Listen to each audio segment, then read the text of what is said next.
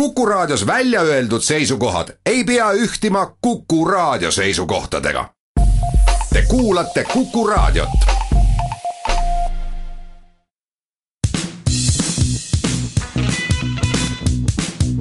Põnts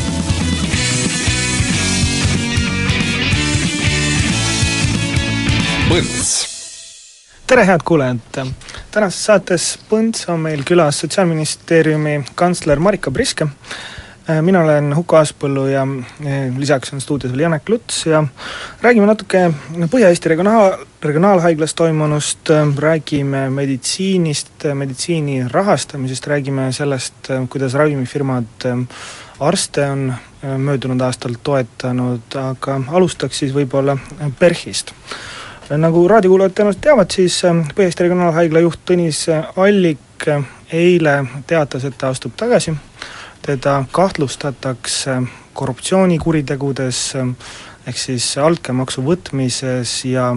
no dokumentide võltsimises äh, ja, ja muus sellises, et äh, Marika, et mis see tunne siis on, et kas, kas Tõnis Allik on sinu hinnangul äh, nüüd äh, oma tagasiastumisega õigesti käitunud, et äh, kas see oli ainuõige samm? tere päevast minu poolt, et äh, jah, eile Eesti rahvas sai siis teada Põhja Regionaalhaigla juhi lahkumisavaldusest, tänasest ta enam ei ole PERH-i juht. ma väga tunnustan härra Hallikut selle, selle otsustava sammu eest, et ma usun, et sellega,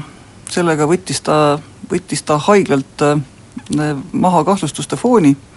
ta reserveeris endale aega ja võimalusi enda, enda äh, süütust äh,, nagu ta, nagu ta kõigil on kinnitanud, äh, paremini kaitsta, sest kriminaalasi on ikkagi, kriminaalsüüdistus on väga tõsine, tõsine asi. ja usun, et ta käitus tippjuhile omaselt ja väärikalt, mina väga tunnustan teda seda otsuse eest. sotsiaalministeerium on valmis selleks, et kui näiteks kahtlustused ei leia kinnitust ja, ja härra Allik nii-öelda jääb puhaste paberitega, kas on mõeldav, et, et ta ennistatakse tagasi? ei noh, nii lihtsalt need asjad ikkagi ei käi, et, et Tõnis Allikul on kindlasti võimalusi, kui ta oma hea nime taastab kriminaalsüüdistuses, pretendeerida muudele oluliseltele kohtadele ka tervishoiusüsteemis et aga ma arvan, et Põhja Regionaalhaigla läheb, läheb oma elu ja juhtimisega edasi. no ma saan aru, et äh, nii prokuratuur kui ka Allik ise on öelnud, et tõenäoliselt äh, siin lähiajal see noh, süüdistus ka tuleb, eks ole? jah, me lähtusime ka sellest, et äh, prokuröri suhteliselt äh, enesekindlast väitest ja, ja kohtuprotsessid võtavad üsna pikka aega. et on erinevad astmed, et, et sõltumata eks esimese aasta tulemusest äh, ei rahulda see emba-kumba osapoolt, nüüd kaevatakse edasi, otsused viibivad, et et me eeldame, et Eesti ühe suurima organisatsiooni juht saab sada protsenti keskenduda oma, oma tööle ja ei pea, ei pea tegelema, tegelema muude küsimustega, mis on vägagi delikaatsed ja heidavad varju, eks ju, kõikidele tema, tema juhtimisotsustele. Marek Priske, jälle seesama küsimus, mis tõstatatud siis nii seoses Estonian Airiga, Tallinna Sadamaga, kus olid nõukogu silmad? Ja samas see, see üritas enam-vähem aru saada sellest, mida siis äh, Allikule ja seal kahe PERH-i nii-öelda Allasmäe juhi, juhile kahtluseks pannakse, kas öelda nende kohta, et, et nii nõukogul või ütleme, siseauditi korraldusel oleks suhteliselt võimatu olnud sellistele asjadele jär-, jälile tulla. et, et konkreetsetele tegudele jälile tulla, küll on muidugi äh, nõukogu pädevuses ümber va-, vaadata erinevaid töökorraldusega aspekte, et selliseid riske vähendada. et, et kuidas on üldse lähetused korraldatud, kes midagi otsustab, et kuidas toimub aruandlus, kas, kas inimesed sebivad ise endale reise, korraldusi,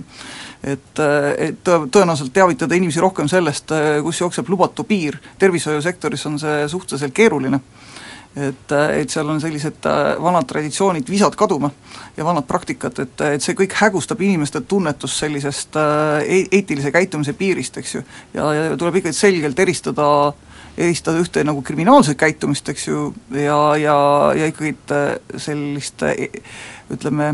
eetikakoodse, koodeksi heade tavade järgimist, et, et kus tegelikult ühiskonna nõudmised ja ettekujutused lähevad järjest rangemaks, et et kõik teod, mis mis võivad juhilt ameti võtta, ei, ei, ei vääri tõenäoliselt kriminaalset karistamist. aga, aga on siiski mitte aktsepteeritud avalikus sektoris või avaliku sektoriga seotud asutustes. kui seda konkreetset asja vaadata, siis siin kohati tõesti tundub, et justkui oleks noh, seal haiglas toimunud mingisugune teist tüüpi normaalsus, ehk siis ähm, Allik ise ei arvanud, et äh, noh, mingisuguse pooletuhandese kingituse vastuvõtmine oleks otseselt tema mingisuguse noh, mõjutamine või oleks korruptiivne või tema jaoks see tundus äh, noh, normaalne või, või mitte tavapäratu. ja, ja siinkohal on tegelikult äh, Lutsu küsimus õige, et äh, tundub, et nõukogu peaks mõnes mõttes ju ometigi paika panema selle sisekorra ja tagama, et, et juhil ei oleks normaalne selliseid asju teha, et see oleks nagu väljaspool normaalsust. samas teisest, teisest küljest äh, nõukogude kaitseks äh, tuleb öelda, et ega nad igapäevast äh, sellist paberaruandlust või siis ka igapäevast nii-öelda lähetuspaberit, igat asja tegelikult nõukogu ei suuda läbi vaadata ja ei saa ka seda no, nõu-, seda kohustuseks ütleme, et kui, kui lähetus ei toimu, eks ju, PERH-i rahadest, et noh, tegelikult iseenesest selle lähetuse oleks pidanud muidugi nõukogu kinnitama sinna juhi läheduse ma e e eeldan, eks ju, selle, selles mõttes Tõnis Alliku, kellel ei ole ju et tema üle, kinnitab ülejäänud lähetused, eks ju, tema lähetusi siis tõenäoliselt peaks aktsepteerima nõukogu, nõukogu esimees. aga äh, mina ei oska selle nagu Münchenis käigu kohta liiga palju arvata, sest äh, no, sest, sest praegu... suhted klientidega, kliendiüritused, et, et, et see oleks ka nagu teine äärmus, kui, kui klientidega üldse ei suheta, eks ju, nende, nende juubeliüritustele või ei minda või nende kutseid vastu ei võeta. et, et äh, praktiline oleks küll, kui oli vajadus, Tõnis Allik on kõigil seletanud, et, et ta tegelikult tahtis rahvusvaheline firma, eks ju, mitte Eesti, vaid eks ju, nende kõrgemal seisvate juhtidega kohtuda, asju arutada, ma olen valmis seda uskuma, et, et see oligi mõistlik, et, et oleks, kõigile oleks olnud lihtsam, kui äh, Põhja-Regionaalne Haigla oleks suutnud ise kanda halliku, eks ju, Münchenisse lähetamise kulud. et, et see oleks kindlasti parem olnud, kas äh, see nüüd on väga süüline käitumine, et ta, et, et partner selle kinni maksis, noh ma arvan, see ei ole kriminaalsüü. et kriminaalkahtlustus on ikkagi selles, et kas ta siis selle, kas see reis oli nüüd niivõrd suur meelehea Tõnisele, eks ju, mille tegelikult oleks võinud ka PERH maksta, et, et ta selle, selle pärast siis hakkas tegema erinevaid soodustusi äh, toitlustusfirmale ja, ja, ja, ja vaidlus käib siis selle üle, kas need olid siis soodustused või, või olid need normaalsed majandusotsused, eks ju, Tõnis peab ennast siin nendes ise kaitsma. aga, et aga see oleks kõik ära jäänud kui seda, kui seda lähetust ei oleks toimunud. ärme selle ühes episoodile kinni jookse, sellepärast et me ei tea, kas äh, prokuratuur äh, on selle episoodi küljes kinni või need mina sinuga ei tea, Marika tõenäoliselt teab teda. ei, prokuratuurist ei tea mina küll mitte palju.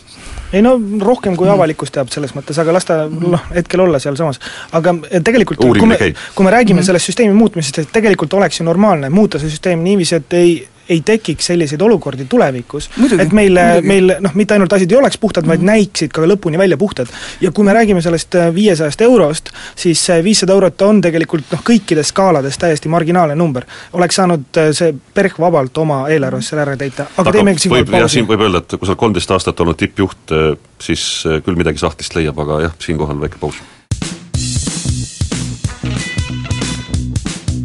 Põnts.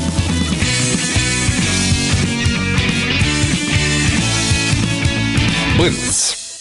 jätkame saadet, stuudios on äh, Sotsiaalministeeriumi kantsler Marika Priske, saatejuhid Uku Aaspõllu ja Janek Luts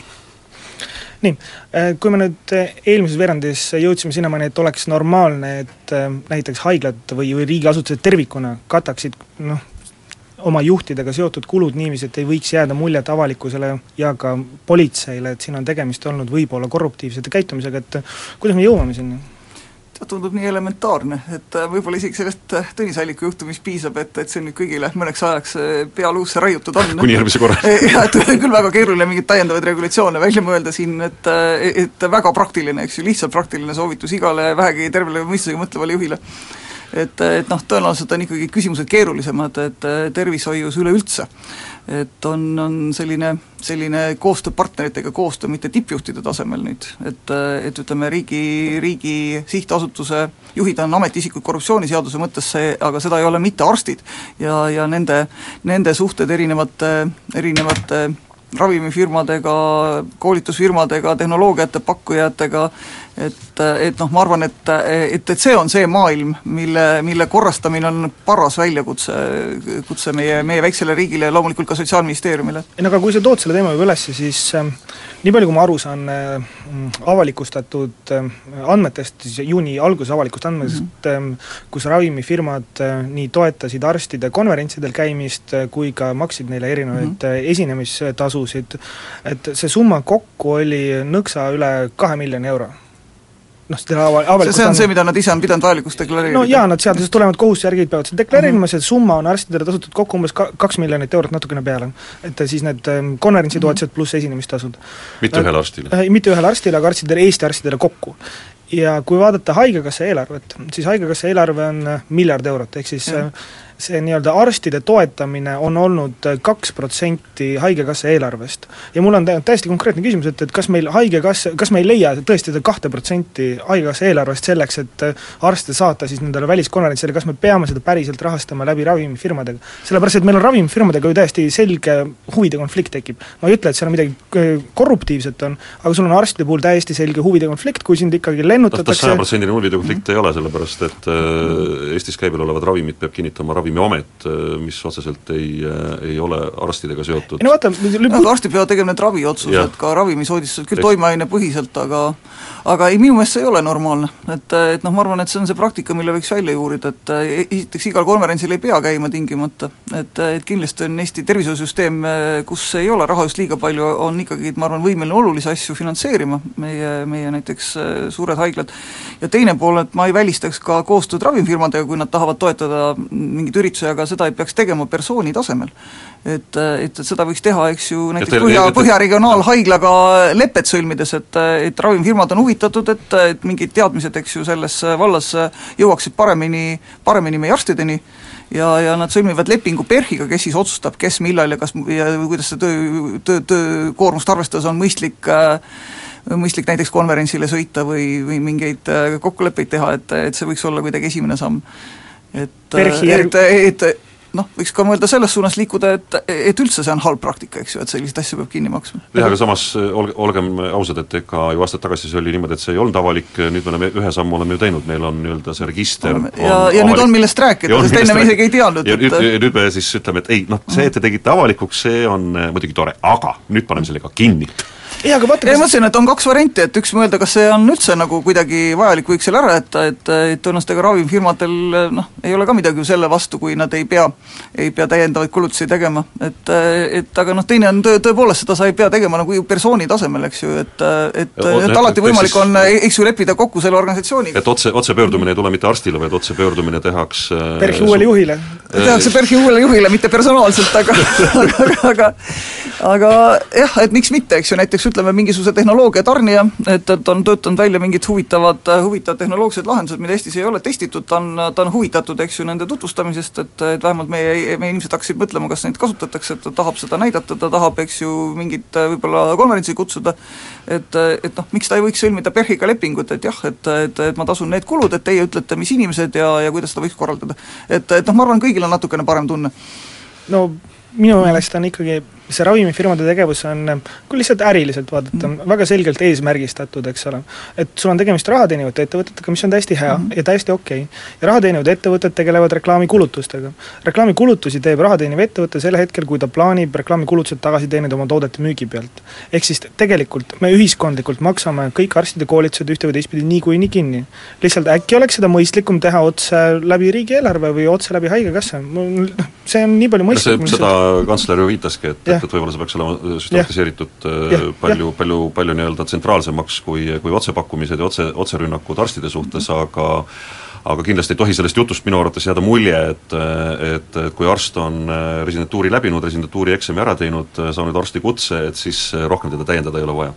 ja ei, kindlasti mitte, et, et aga noh, ma olen selgelt nõus, et arst, arstide personaalsed kokkulepped ravimifirmadega, eks ju, mis, millest tegelikult ei ole ka see organisatsioon, kus nad töötavad, teadlikud, et, et see, see on asi, millest me võiksime, võiksime üritada lahti saada. et mitte, mitte väga aeglases tempos, et et võib-olla, võib, võib-olla eks ju, see PERH-i juhi juhtumi,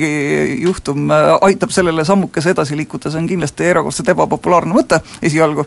meie arstkonna hulgas, aga, aga, aga tasub mõelda. ja noh, ravimifirmad on põhimõtteliselt samasugused ettevõtted nagu teised ettevõtted, et äh, praktiline kogemus ütleb seda, et et tegelikult keegi ei taha ju väga neid kulutusi teha, kui ollakse kindel, et see turg on aus ja teised ka ei tee, eks ju, et et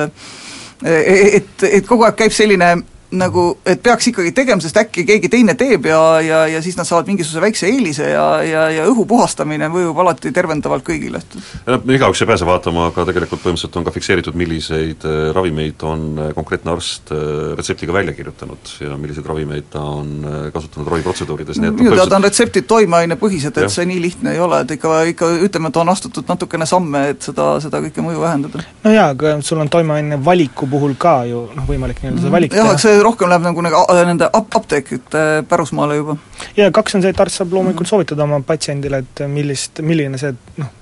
ravimimark nii on arstidest rääkida, kui arsti ühtegi arstist aga, aga, ei, aga ei, tuleme korra tagasi selle juurde, et seda võiks seda nii-öelda koolituste rahastamist mhm. võiks muuta. oleks arstide esindaja, oleks diskussioon palju huvitavam. kas me, kas me oleme Sotsiaalministeeriumis liikumas sinna suunas, kas on valmimas mingisugused analüüsid, eelnõud, mõtted selle tegemiseks? Ma olen isiklikult seda meelt, et õigusruumi ei peaks risustama kõikide katsetustega, et kõigepealt tasuks ära, ära vaadata, et mis meie tänane regulatsioon võimaldab, et, et siis võiks, siis võiks piloteerida teatud häid tavasid ja põhimõtteid ja, ja ja kui me praktikas jõuame järeldusele, et ikkagi mõni säte tõepoolest, eks ju, takistab või on vajalik või, või me ei suuda, või me ei suuda näiteks riigile, riigiga seotud haiglates niisuguseid häid käitumistavasid rakendada, et, et noh, siis, siis me peaks liikuma selliste seaduste muutmiseni, aga mida me teeme, me üritame välja töötada siis sellist praktilist käsiraamatut et nii-öelda tervishoiutöötaja versus siis tema partnerid, patsiendid, et selliste korruptsiooni ennetamise teemade suhtes, et, et iseenesest see noh, teoreetiliselt on hästi lihtne, eks ju, ära tee seda, teist ja kolmandat, aga aga me üritame seda sisustada praktiliste näidetega, et tast oleks päriselt abi, eks ju. et meie tänase elu, eks ju, olemasolevad situatsioonid, et, et, et millised need on, et millised, millised, millised valikud, eks ju, sinna meie tervishoiutöötajate lauale tekivad või missugused juhtumid on, analüüsida neid koos, koos arstidega tegelikult ja ja, ja siis, ja siis koos välja mõelda, et mi-, mis oleks mõistlik siis nendes situatsioonides, kuidas käituda, kuidas arste teavitada, kuidas teavitada näiteks patsiente, patsiente, et nad ei paneks arsti sellisesse rumalasse olukorda. et sellega me tõesti tegeleme, et, et see ei ole kerge töö olnud, et ütleme nii, et et kaasamõtlemist ei ole olnud piisavalt palju, et nüüd, nüüd, nüüd loodame, et tuli jälle väike niisugune impulss nende teemadega rohkem tegeleda. aga siinkohal sest neid juhtumeid meil endal ju ja, ei ole. aga siinkohal äh, teeme väikse pausi ja oleme varsti tagasi. Põnts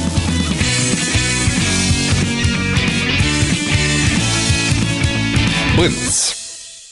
jätkame saadet, stuudios on äh, Sotsiaalministeeriumi kantsler Marika Priske, saatejuhid Uku Aaspõllu ja Janek Luts, äh, proua kantsler, siiski, tegelikult see, et me nüüd tõstatasime selle küsimuse, puudutab Ravimiameti, vabandust, ravimifirmade toetusi arstidele, mis on liiga otse, nagu te ütlesite, et noh, praegu me näeme küll, et kui palju on siis erinevad ravifirmad mingitele arstidele siis nii-öelda konverentside või muude toetust andnud või kuidas iganes seda ka nimetada, siis et, et, et see on ainult fakt, ega me ju ei tea, et seda keegi oleks midagi kuritarvitanud või mõjutanud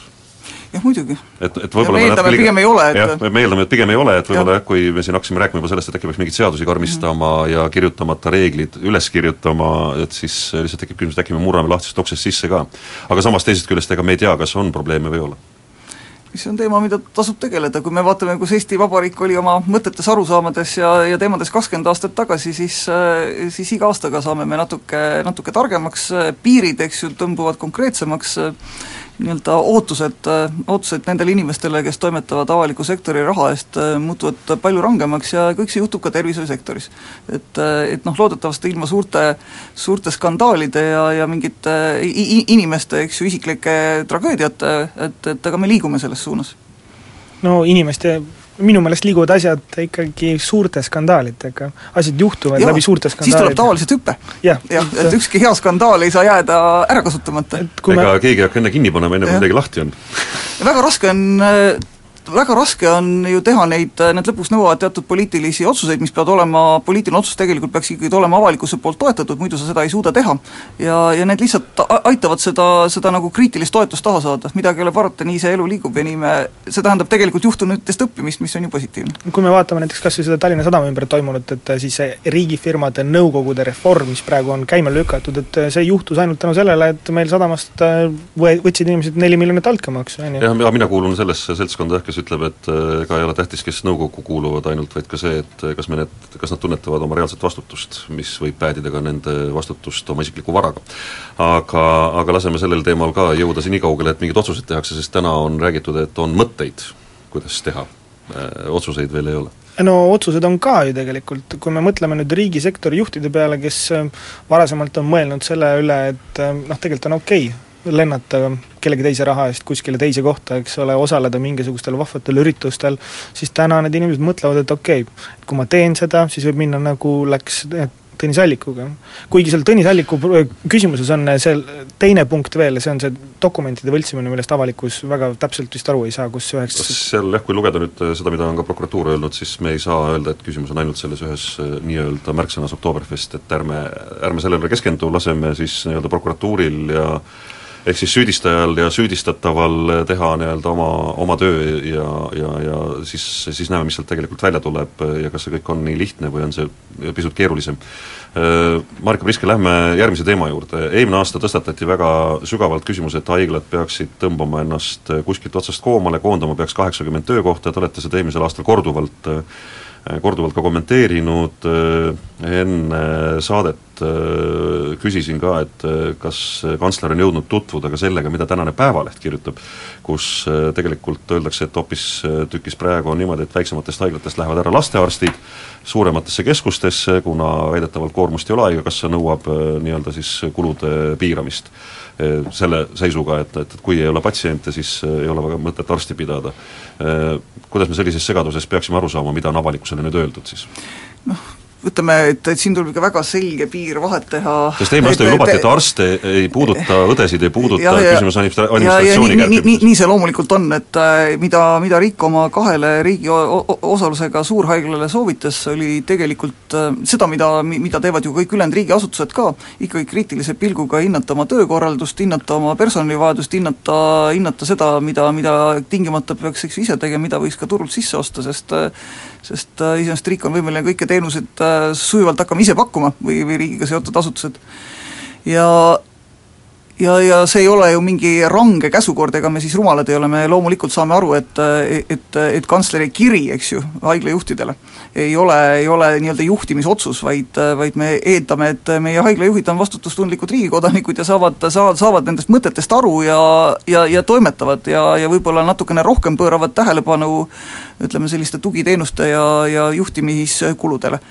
et eh, loomulikult eh, ma olen valmis uskuma, et nad on seda teinud kogu aeg, aga, aga nagu iga juht teab, et, et aeg-ajalt on selline nagu nagu täiendav motivatsioon ja teadmine, et kõik seda teevad, eh, aitab sul neid otsuseid kergemini teha.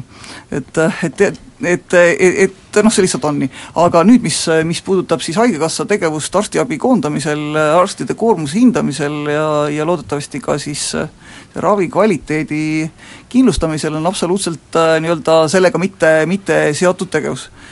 et äh, no tegelikult ei saa olla kuidagi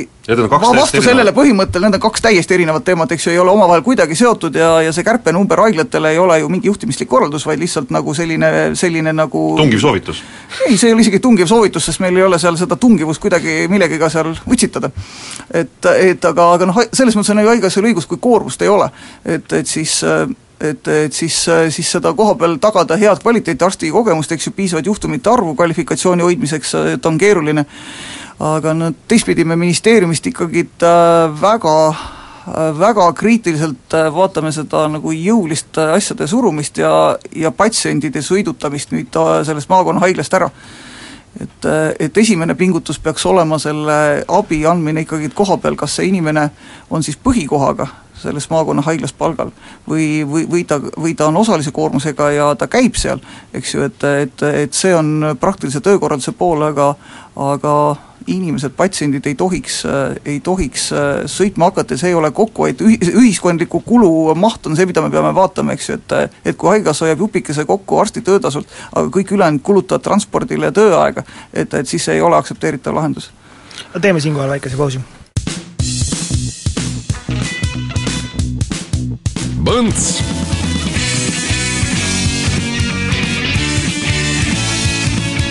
Põnts jätkame saadet, stuudios on Sotsiaalministeeriumi kantsler Marika Priske, saatejuhid Uku Aaspõllu ja Janek Luts. Marika Priske, te võite küll öelda, et, et see on Haigekassa nii-öelda töö, tegeleda selle nii-öelda jälgimisega, et kas, kas arstidel on koormus, kas, kas on patsiente ja kas on majanduslikult mõistlik, kõik probleemid, mis tekivad, eriti näiteks kui nüüd me räägime lastearstidest, see on emotsionaalne, see jõuab teie laua peale homme või täna ja ministrilt nõutakse selgitust ja eriti, kui, kui me räägime sellisel emotsionaalselt äh, õrnal teemal, nagu seda on äh, lapsed ja, ja, ja, ja, ja lastearstid. ja loomulikult, eks ta olegi utreeritud, et, äh, et see see, lastearstid kaovad maakondadest ära, tuli minule täiesti suure üllatusena, me oleme Haigekassaga kohtunud, teemasid arutanud, see ei ole laual olnud, et sellist plaani ei ole Haigekassa juhid meile kommunikeerinud ja ma sügavalt tahaks loota, et seda tegelikult ei ole, et, et on ikkagi see üldine foon, hinnata siis arstide koormuskvaliteeti ja, ja, ja teema, et kuidas seda paremini pakkuda, ministeerium teeb siin haiglavõrgu arengukava, kus me tegelikult üritame iga, iga maakonna haigla rolli, võimalusi, eks ju, ja, ja ravi, ravimahte analüüsida. Et ma arvan, et seal natukene tuleb seda nii-öelda hirmu ja teemade utreerimist ka läbi avali-, avalikkuse, et ära hoida siis võimalikke, võimalikke niisuguseid negatiivseid samme, siis mine sellest riigist ikka tea, mida ta teha võib, et no selgituseks ju, praegu on küll niimoodi, et haiglad on iseseisvad juriidilised isikud äh,, Haigekassa on omaette, kõik see tegelikult on Sotsiaalministeeriumi haldusalas saan ma õigesti aru? Vabandust, sõna hala ma ei tahtnud kasutada, tahtsin öelda ala ei, hala see muidugi ei ole. jah, loomulikult, et ministeeriumil on sellised erinevad juhtimishoovad, mitte mõned haiglad kuuluvad riigile, et kus me neid juhtorganeid seal moodustame suurema osa mitte. Aga, aga, aga noh, Haigekassa kas see haigekassa nii-öelda tööpõhimõtete alused, eks ju, poliitikad, et, et, et see on ministeeriumi vastutus ja ministeerium tahab seda vastutust kanda. et selles mõttes ei saa Haigekassa et... otsustada, et, et, et, et, et, et maakonnahaiglas ei ole enam tulevikus mingit raviteenust, et ei ole lastearsti? ei ole lastearsti, kui see lastearst on seal vajalik, et kui see on ühiskondliku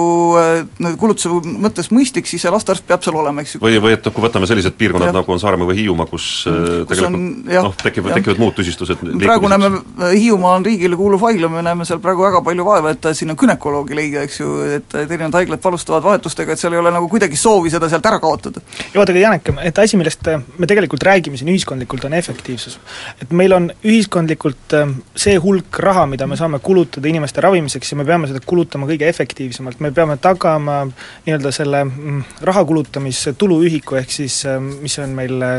ähm, tervelt sa ikka armastad Excelit? Äh, tervelt elatud aastate maksimeerimise. et tervelt ela-, me peame maksimeerima ühiskond tervelt elatud aastaid ja kui me maksame ühele haiglale selleks, et ta hoiaks kuskil noh, ütleme näiteks Põlvas tervet haiglatäit inimesi, professionaale, eriarste, noh kõiki neid inimesi, meil oleks väga palju mõistlikum neid inimesi rakendada kuskil Tallinnas. et meil ei ole jätkuvalt kadunud ära erinevad ravijärjekorrad eriarstide juurest ja nii edasi. me räägime tegelikult ühiskondlikult efektiivsusest, me kõik võidame selle, selle arvelt. ja kui eestlased on otsustanud noh, en masse kolida maapiirkondadest ära, siis keda me ravime seal täpsemalt? ei, küsimus on ei, sellel vastu ei vaidle, tuleme selle lastearsti juurde ka, et, et, et siin noh, mingi ter-, arst oleks väga abiks meil täna, et, et aga, aga sa pead rahulikult vaatama, mida see laste, mida see lastearst, eks ju, täpselt teeb, et mida ei tee perearst, eks ju, mis on tema maht ja, ja kus ta olema peaks. Ja sealt jär-, jär-, järgmiseks tuleb, tuleb ikkagi, et ikkagi et see nagu patsiendi vaade peaks sisse tulema, et, et kui on lastearsti vaja, eks ju, mingisuguses mahus, mingis mõistlikus mahus, näiteks veerandi osas tema koormusest, et, et siis tõenäoliselt on mõistlik see lastearst, eks ju, võtab vastu perioodid selles maakonnahaiglas. mida me ministeeriumis väga selgelt näeme, mi-, mis ei ole täna mis ei ole täna kahjuks päris nii, on, et, et meie maakonnahaiglad, et ei oleks sellised nagu parajad lambad, kes, kes vaatavad Haigekassale suhu ja kui sealt mingi raha ära kärbitakse, et, et, et, et siis natukene nutavad ja nii ongi, vaid nad üritaks rohkem seista oma patsientide eest, et nad üritaks olla, olla ka eestvedajad, et oleks hea koostöö perearstidega, tervisekeskustega, mida me teeme, et nad võtaks selle, selle maakonna inimeste arstiabi kättesaadavuse vastutuse enda peale, sest nemad teavad detaile, nemad suudavad kaasa rääkida selles korralduses, nad, nad suudavad, suudavad suudavad pakkuda lahendusi, kus, kuidas on võimalik seda arsti, eks ju, periooditi koha peale tuua või seda ravi kvaliteeti tagada, et et me liigume tegelikult selles suunas, et me ootame maakonnahaigla, maakonnahaigla juhtidelt enam kui täna et, et nad saaks selgelt aru, et neil ei ole selle nii-öelda kitsalt tellitud raviteenuse osutamise kohustust, vaid nemad peaks seisma eelkõige selle eest, et et nende inimeste kätte, arstiabi kättesaadavus paraneks, eks, et nende et nende nii-öelda tervena elatud aastate hulk paraneks, et meil on täielik ülevaade maakondade kaupa tervisenäitajatest, et me suudame anda niisuguseid konkreetseid eesmärke, mida mingis maakonnas, et me tahame vähem näha, milliseid haigestumisi, milliseid, eks ju, trende, et, et nad võtaks selle vastutuse. jah, aga äh, nii palju äh, peab ka kindlasti tunnistama, et kuigi et noh, et meil on praegu Põlvamaa, meil on Võrumaa, aga Põlva ja Võru vahemaa on äh,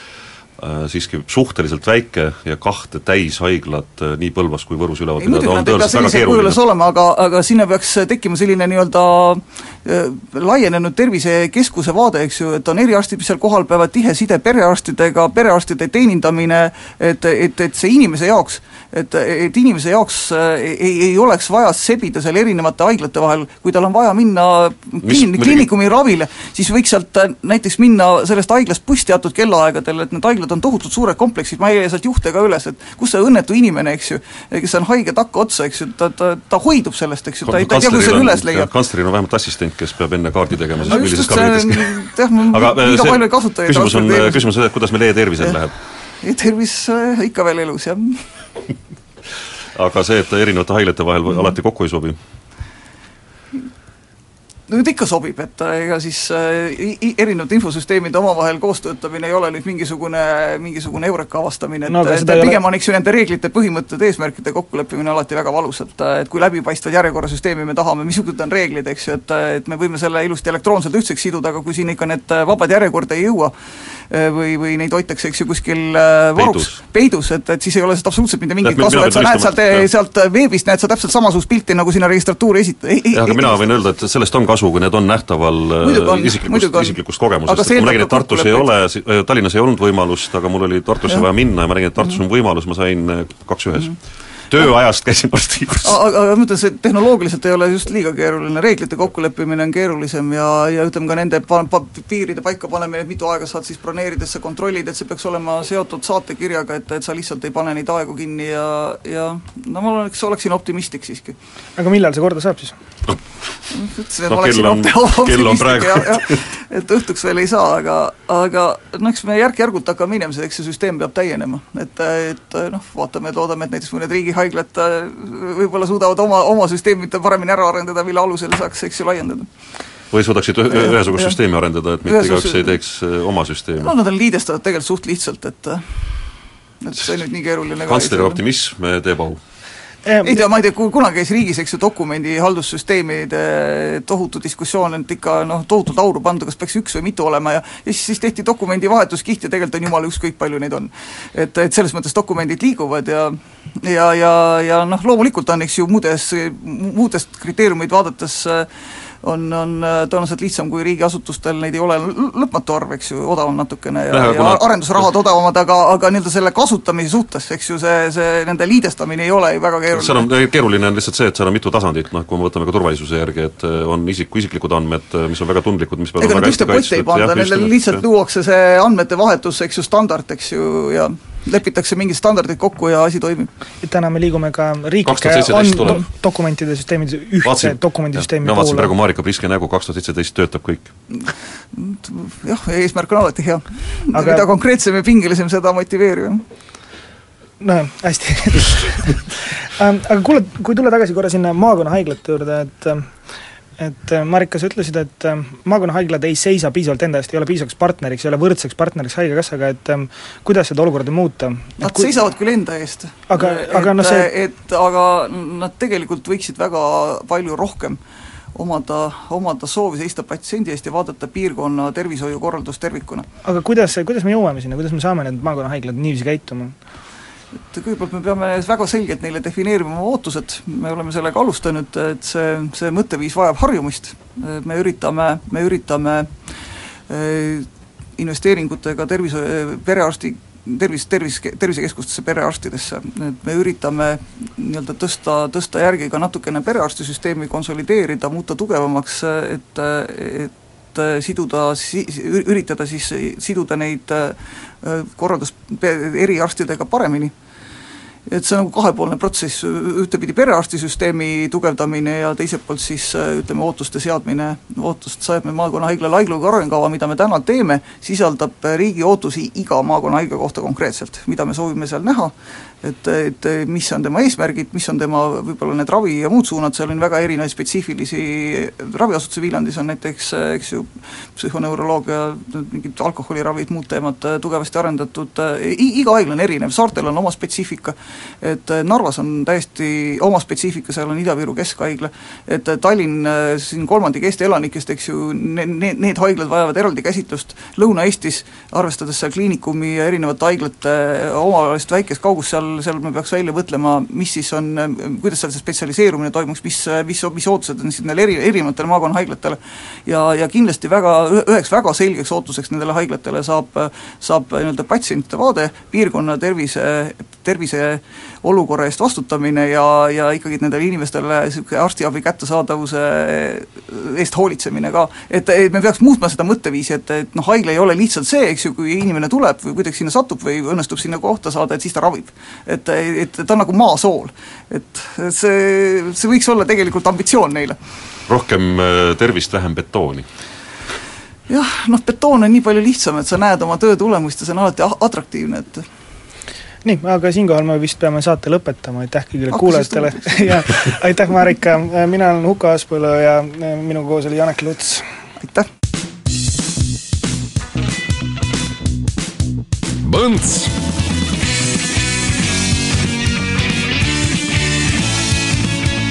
Blitz.